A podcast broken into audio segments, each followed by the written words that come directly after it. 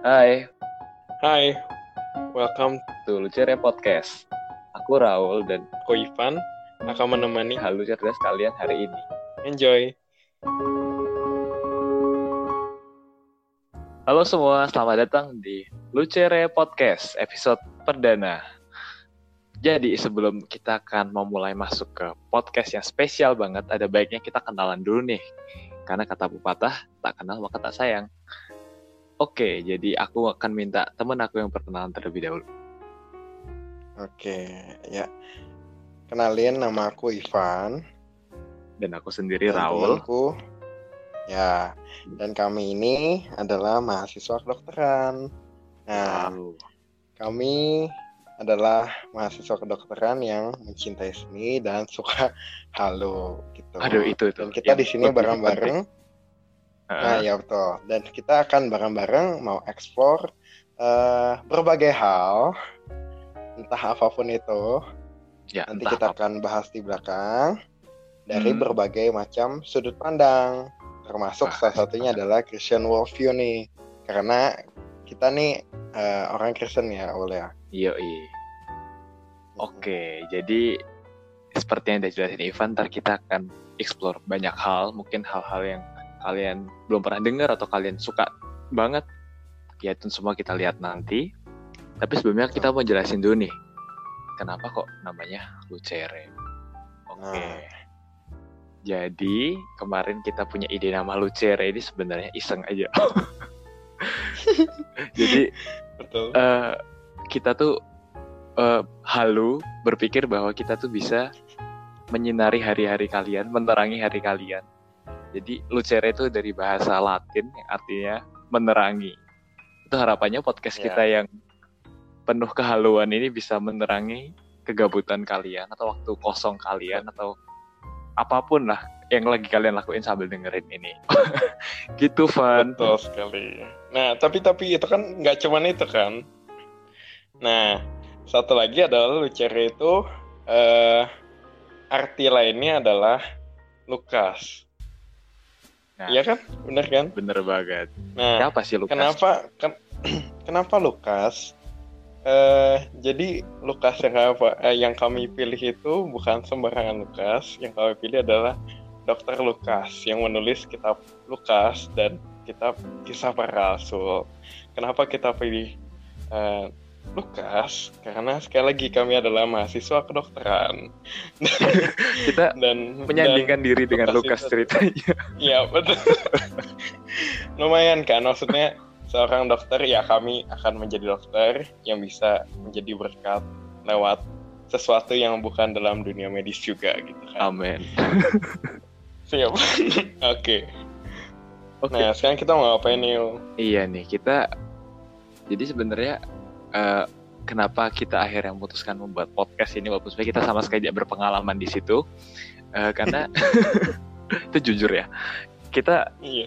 eh, sering kali kita mendapat hal baik dari sesuatu misalnya apa yang kita tonton apa yang kita baca dan itu tuh kalau berhenti di kita tuh rasanya sayang gitu loh kayak aduh aku Nah. tahu sesuatu nih aku pengen kayak orang-orang juga tahu karena menurutku tuh eh, improve kehidupanku banget dan pasti bakal improve orang lain juga nah Iya. itu awalnya di situ tapi ya karena kita mahasiswa yang suka halu dan berpikir macam-macam jadi jadilah kita udah bikin podcast aja gitu tapi tenang aja teman-teman kita di sini nggak sembarangan kan Van Betul sekali. Kita kenapa kita bisa bilang nggak sembarangan? Karena karena kami ap- sebelum sebelum membuat podcast satu episode kami melakukan riset. iya kita eh, apa namanya bisa dibuktikan secara saintifik ya enggak sih tapi kurang lebih begitu kita nggak asal ngomong halunya nggak Iya. selalu itu tenang aja Jadi kami riset dan kami sharing sesuai dengan pengertian kami dan apa Iya, yang dan- kami pikirkan gitu. jadi tetap harus ingat kalau ini adalah dari mahasiswa makanya ya ada kurangnya mohon dimaafkan Oke. Nah, kira-kira ke depannya kita mau ngapain aja nih, Oh? Maksudnya Oke, jadi kita kan bikin podcast nih nggak sekali aja ya. harapannya bisa Hmm, rutin bisa konsisten ya itu butuh Betul. apa eh, komitmen juga jadi kita ketekunan. akan Iya, bikin komitmen. kita akan bikin eh, upload eh kita akan bikin upload kita akan mengupload podcast kita sebisa mungkin berapa kali Van? Dua kali seminggu. dua kali seminggu keren kan Ya, luar Dan biasa itu- emang. kita akan membagi jadi kayak ada satu podcast eh, seri utama jadi kayak kita akan membahas satu topik yang itu bisa butuh ber- beberapa kali eh, episode dan di sela-sela episode nanti kita akan selipkan kayak apa sih? Filler. Apa ya? Selingan. Ya nggak sih Van? Selingan. Betul, betul. biar nggak bosan Karena- Episode khusus. Iya, jadi mungkin yang episode yang utama itu terlalu apa sih kalau tiap episode bahasnya itu terus lama-lama kan juga ah apa sih cuma bahas ini doang. Jadi kita juga akan Nah, selipkan beberapa episode-episode khusus yang pasti yang nggak kalah menarik dan kita akan upload jadi eh, patternnya dua kali episode utama, satu episode khusus, dua episode utama, satu episode khusus dan begitu seterusnya. Ya nggak, Van? Betul sekali. Oke, Dan terakhir juga, ini dia. ya, saya mau ngomong, kamu, aku. Kamu aja yang promosi. Ya udah, aku ya. jadi, eh, jadi kan teman-teman dengerin ini di Spotify kan, tapi tenang aja, kita nggak cuman upload ini di Spotify, karena kami juga mengupload di YouTube. Dan YouTube channel kami adalah Lucere Channel, boleh di subscribe, boleh dicek. Di sana dan di sana nggak cuman hanya podcast ini doang yang dijadikan video, tapi juga ada konten-konten khusus lainnya gitu. Dan satu lagi adalah eh, follow juga kami punya Instagram yaitu Lucere Podcast gitu. Asik. Oke? Oke. Kita mau masuk nih ke topik utama. Betul. Jadi topik yang akan kita bahas dari podcast kita ini yang pertama adalah tentang suatu adaptasi karya sastra yang sangat terkenal. Itu Oh. adalah Les Miserables. Aku gak bisa baca Prancisnya loh. Iya. Harusnya itu bener, Wi. iya, atau biasanya singkat Les Mis, ya kan? Ya, Itu kenapa, Van? Kenapa kok kita tiba-tiba memutuskan bahas itu? Kita kan bukan anak seni. oh, bahas itu. Iya, betul. Jadi jadi entah bagaimana. Jadi kan gini, kami aku sebenarnya sama Raul itu sebelumnya belum pernah bertemu sampai di kedokteran. Sekali. Terus aku sangat suka dengan Les Miserables ini, khususnya adalah musikalnya. Jadi kalau mau jujur, aku belum pernah baca bukunya sama sekali gitu. Jadi Aku aku, juga. cuman mendengarkan, ya, ya kan? aku cuma mendengarkan musikalnya dan aku sangat suka gitu. Dan ternyata ada di mahasiswa kedokteran juga ada seseorang yang juga sangat mencintai musikal ini dan ternyata mempunyai Itulah aku. record yang sama Iya. ya betul dan ya itulah karena menurutku musiknya bagus lagunya bagus dan ceritanya sangat mendalam tuh Betul kalau kamu sekali. gimana Ya, aku juga sama. Tapi dari sisiku, aku melihat ada orang yang jadi si Ivan ini ternyata orang yang sangat suka dengan musik dan waktu kita ngobrol-ngobrol kita sampai ke topik ini. Terus kayak, Ivan, kamu suka ini kan? Terus kayak dia, iya aku suka ini. Terus kayak kita suka dengan cast yang sama. Jadi di musikal ini dia kan dibikin beberapa kali. Kita favorit kita itu adalah cast dari yang anniversary ke-10. Itu menurut kita yang paling keren. Jadi dari situ aku Yes. merasa, oke aku cocok sama orang ini. Dan kita pengen banget bahas ini. Iya Kak Van? ya betul sekali Oke, kita akan membahas Lemis. Pertama, kita tidak akan lepas dari si Victor Hugo. Dia adalah pengarangnya. Eh, ya betul sekali cerita sedikit, jadi si Victor Hugo ini dia eh, bukan cuma seorang penulis, dia juga adalah seorang politisi dan orang yang sangat berpengaruh di Prancis pada zamannya. Bahkan ketika dia meninggal, eh, dia tuh dikuburnya di Pantheon gitu, dan itu tuh kayak udah satu kehormatan banget gitu dan itu merupakan duka yang sangat besar untuk Perancis pada zaman itu kayak mereka kehilangan orang besar. Dan selain karyanya uh, Lemis yang terkenal ini, ada juga karyanya yang diadaptasi sama Disney. Uh, Hunchback of Notre Dame itu uh, adaptasi dari novel yang dia buat. Nah, oh. jelasin dong Van, uh, kehidupan dia tuh kayak gimana sih? Oh, Oke, okay. dari yang aku baca tentang dia itu sebenarnya di luar ekspektasi aku sih, Ul. Karena yeah. kalau yang dari Lemis yang aku tonton gitu ya, aku pikir dia adalah seorang apa ya? seorang Kristen yang luar biasa gitu. Tapi Sama ternyata memang benar luar biasa sekali. Tapi luar biasa yang agak berbeda. Agak, agak gimana gitu ya. Iya, berbeda. Kenapa? Karena hmm, dia itu lebih ke arah dia mempercayai lebih ke arah Kristen Pelagianisme gitu. Jadi hmm, hmm. Uh, dia percaya apa ya namanya reinkarnasi gitu-gitu. Terus dia, dia percaya, percaya bisa ngomong sama Iya ini ini yang aku paling kaget. Nah. Dia, mengklaim dia bicara sama Yesus. Iya, dia bicara sama Yesus sendiri. Lalu dia iya. bicara yeah. sama uh, siapa itu Shakespeare. Lalu nah Napoleon III yang waktu itu udah mati jadi kayak dia uh, nah. panggil arwahnya buat ngejekin dia itu aku nggak tahu kenapa yeah. dia iya. bisa pikir kayak gitu nggak tahu pokoknya serem gitu dan bahkan apa namanya dia percaya juga kalau uh, nanti di akhir zaman itu setan juga bisa diselamatkan. Iya, iya dan Aneh setan ya. sama Tuhan itu kayak seolah hubungannya kayak hubungan saudara. ah, iya. Itu ada aduh lah. Semakin di riset itu semakin kayak astaga nih orang ternyata sangat tidak Kristen gitu. Iya, itu Atau bukan Kristen yang salah. Itu bukan Kristen yang ya kita percaya pada Iya, betul. Zaman ini tuh. Jadi kayak ya oke okay lah nice to know aneh. gitu ya, ya.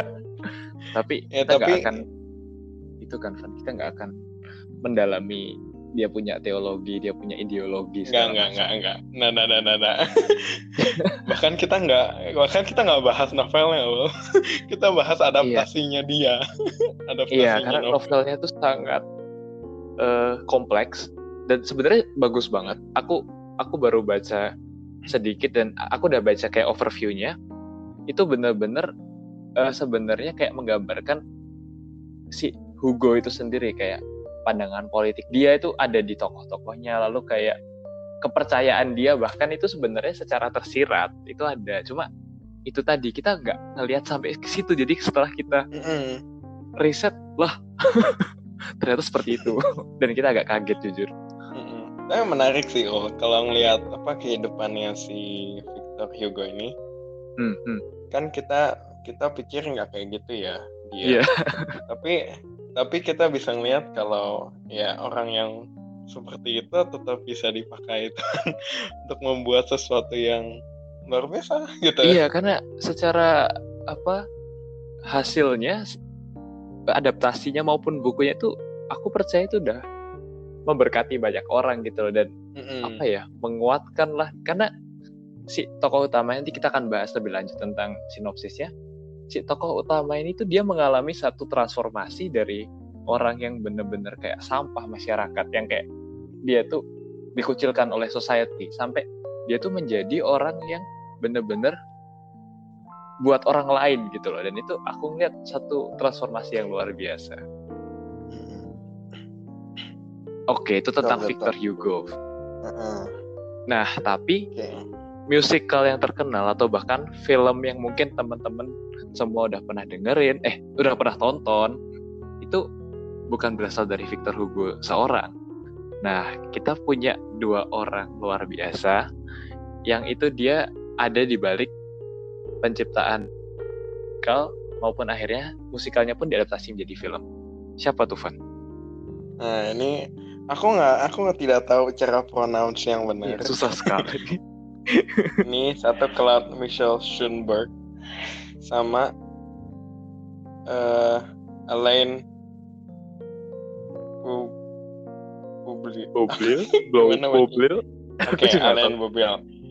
Enggak berapa yeah. gitu. Nah, yang satu ini adalah pembuat liriknya si Alain dan uh, Claude Mitchell ini yang membuat uh, yang kompos lagunya. Hmm, hmm. Dan uh, ya itulah hasilnya yang kita bisa dengar. Dan mereka berdua ini nggak cuman buat uh, musikal Les Miserables tapi juga musikal-musikal lain yang lumayan terkenal juga seperti Miss Saigon gitu. Oh, itu suka banget. Yang mereka luar biasa sih gimana mereka bisa mengadaptasi dari novelnya menjadi sebuah musikal dua jam dan iya. padat dan sangat mendalam. Iya. Walaupun dengan adaptasi-adaptasi yang mereka lakukan. Ya kalau kita lihat novelnya tuh ribuan halaman dan dari berbagai sudut pandang. Jadi kayak ketika itu tuh bisa dibuat se apa ya sepadat itu dan seindah itu itu menurutku emang satu apa ya istilahnya jenius lah mereka itu iya. bisa bikin sampai luar biasa gitu. sih luar biasa bang oke jadi mungkin eh, buat yang udah pada nonton filmnya mungkin kayak udah ngerti ceritanya tapi ini kita akan kasih uh, cerita singkat sebenarnya harapannya ini nggak jadi spoiler buat teman-teman yang belum tonton. Kalau bisa mm -hmm. sekarang stop dulu ini podcast, tonton dulu, baru lanjutin. Kita balik lagi. Iya. iya. Kita nggak ke mana-mana kok. Oke, jadi kita akan bahas podcastnya aku atau kamu Ivan. Ya, apa bahas sinopsisnya? Eh, eh iya, bahas sinopsisnya. Iya, mas. Oke, oke, sinopsisnya ya udah kamu aja. oke, nanti kalau ada yang kurang tambahin aja langsung. Siap. Oke, jadi ceritanya itu tokoh utamanya namanya Zhang Valjean. Aduh, aku nggak tahu nih bacanya gimana. Serius, aku nggak bisa bahasa Iya, benar, benar, benar. Benar, itu benar, dia benar. adalah seorang tahanan. Dia dihukum 19 tahun karena dia itu mencuri roti untuk keponakannya anak dari anak, anak dari saudari dia. Nah di penjara itu dia yang tadinya tuh orang yang kayaknya uh, bukan apa-apa maksudnya uh, polos naif ya orang biasa lah. Itu dia menjadi orang yang istilahnya kecewa dengan law dengan hukum. Karena kayak dia ngerasa hukum tuh nggak adil gitu. Dia cuma mencuri satu potong roti tapi hukumannya tuh sampai kayak gitu dan akhirnya ketika dia berhasil uh, bebas tuh bebas kan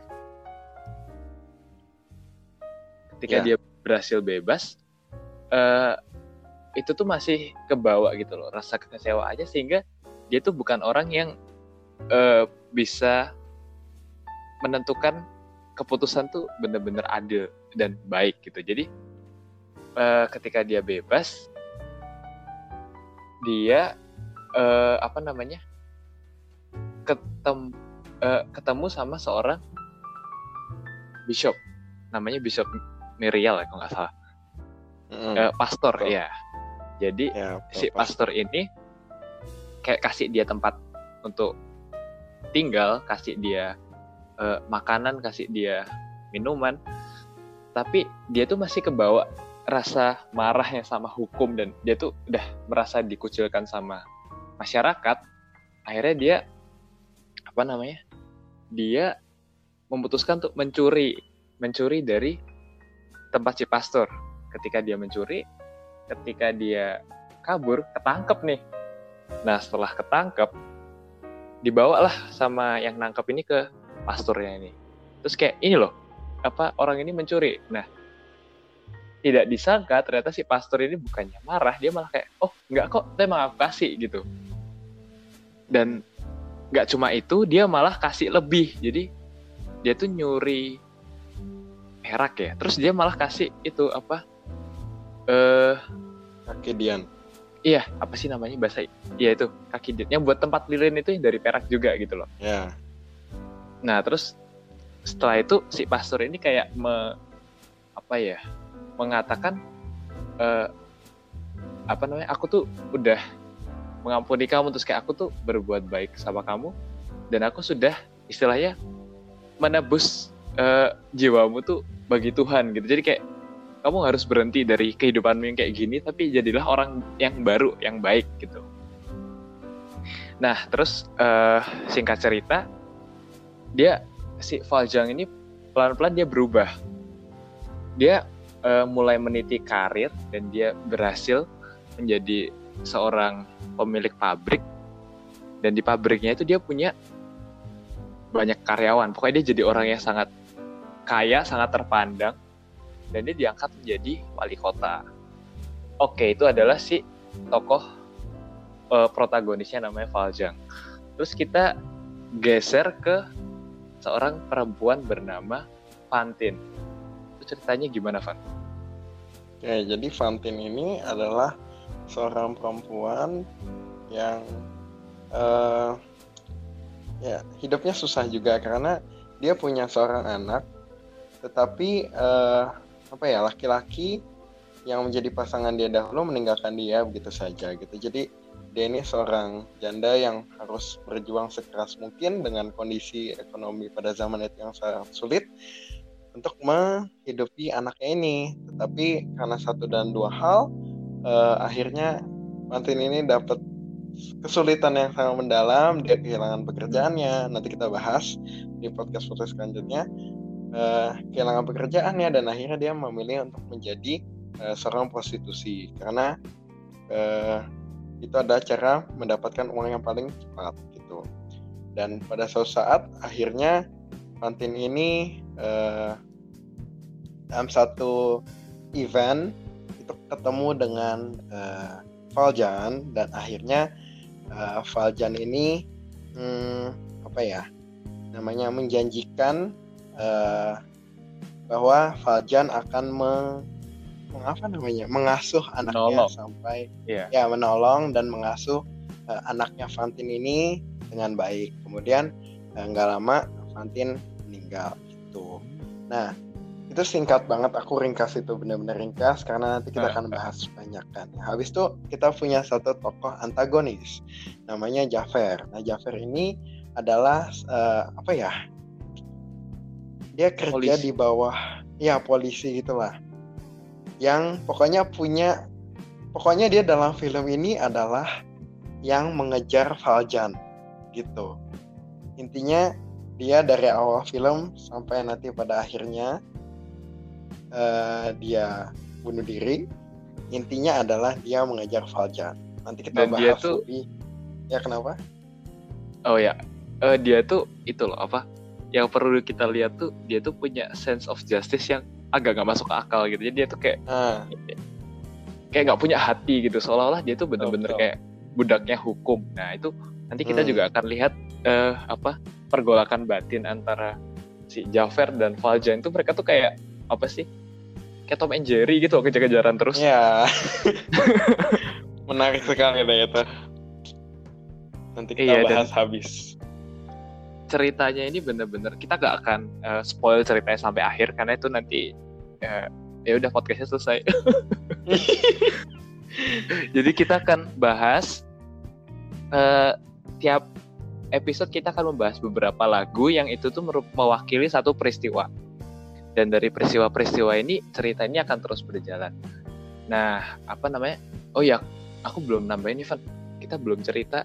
Jadi itu latar belakang uh, masa itu.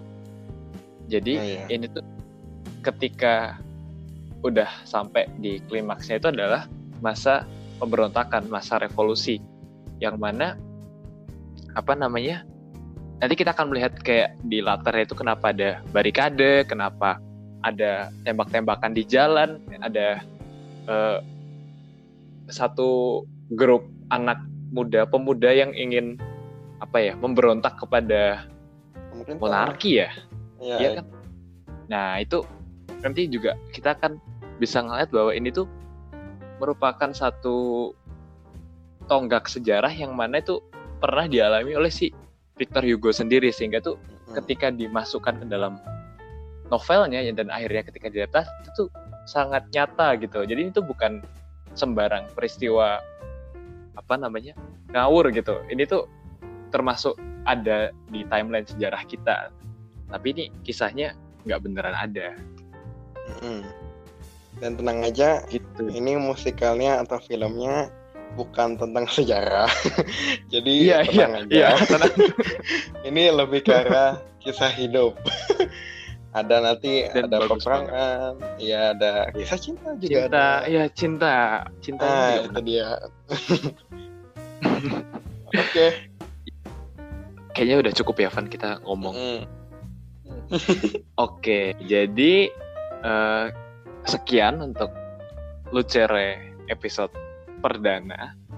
Tetap tunggu lanjut selanjutnya karena di episode selanjutnya kita akan membahas satu persatu dengan lebih detail, lebih mendalam Ya, lagu-lagu yang ada di musikal maupun yang di filmnya Lemis ini.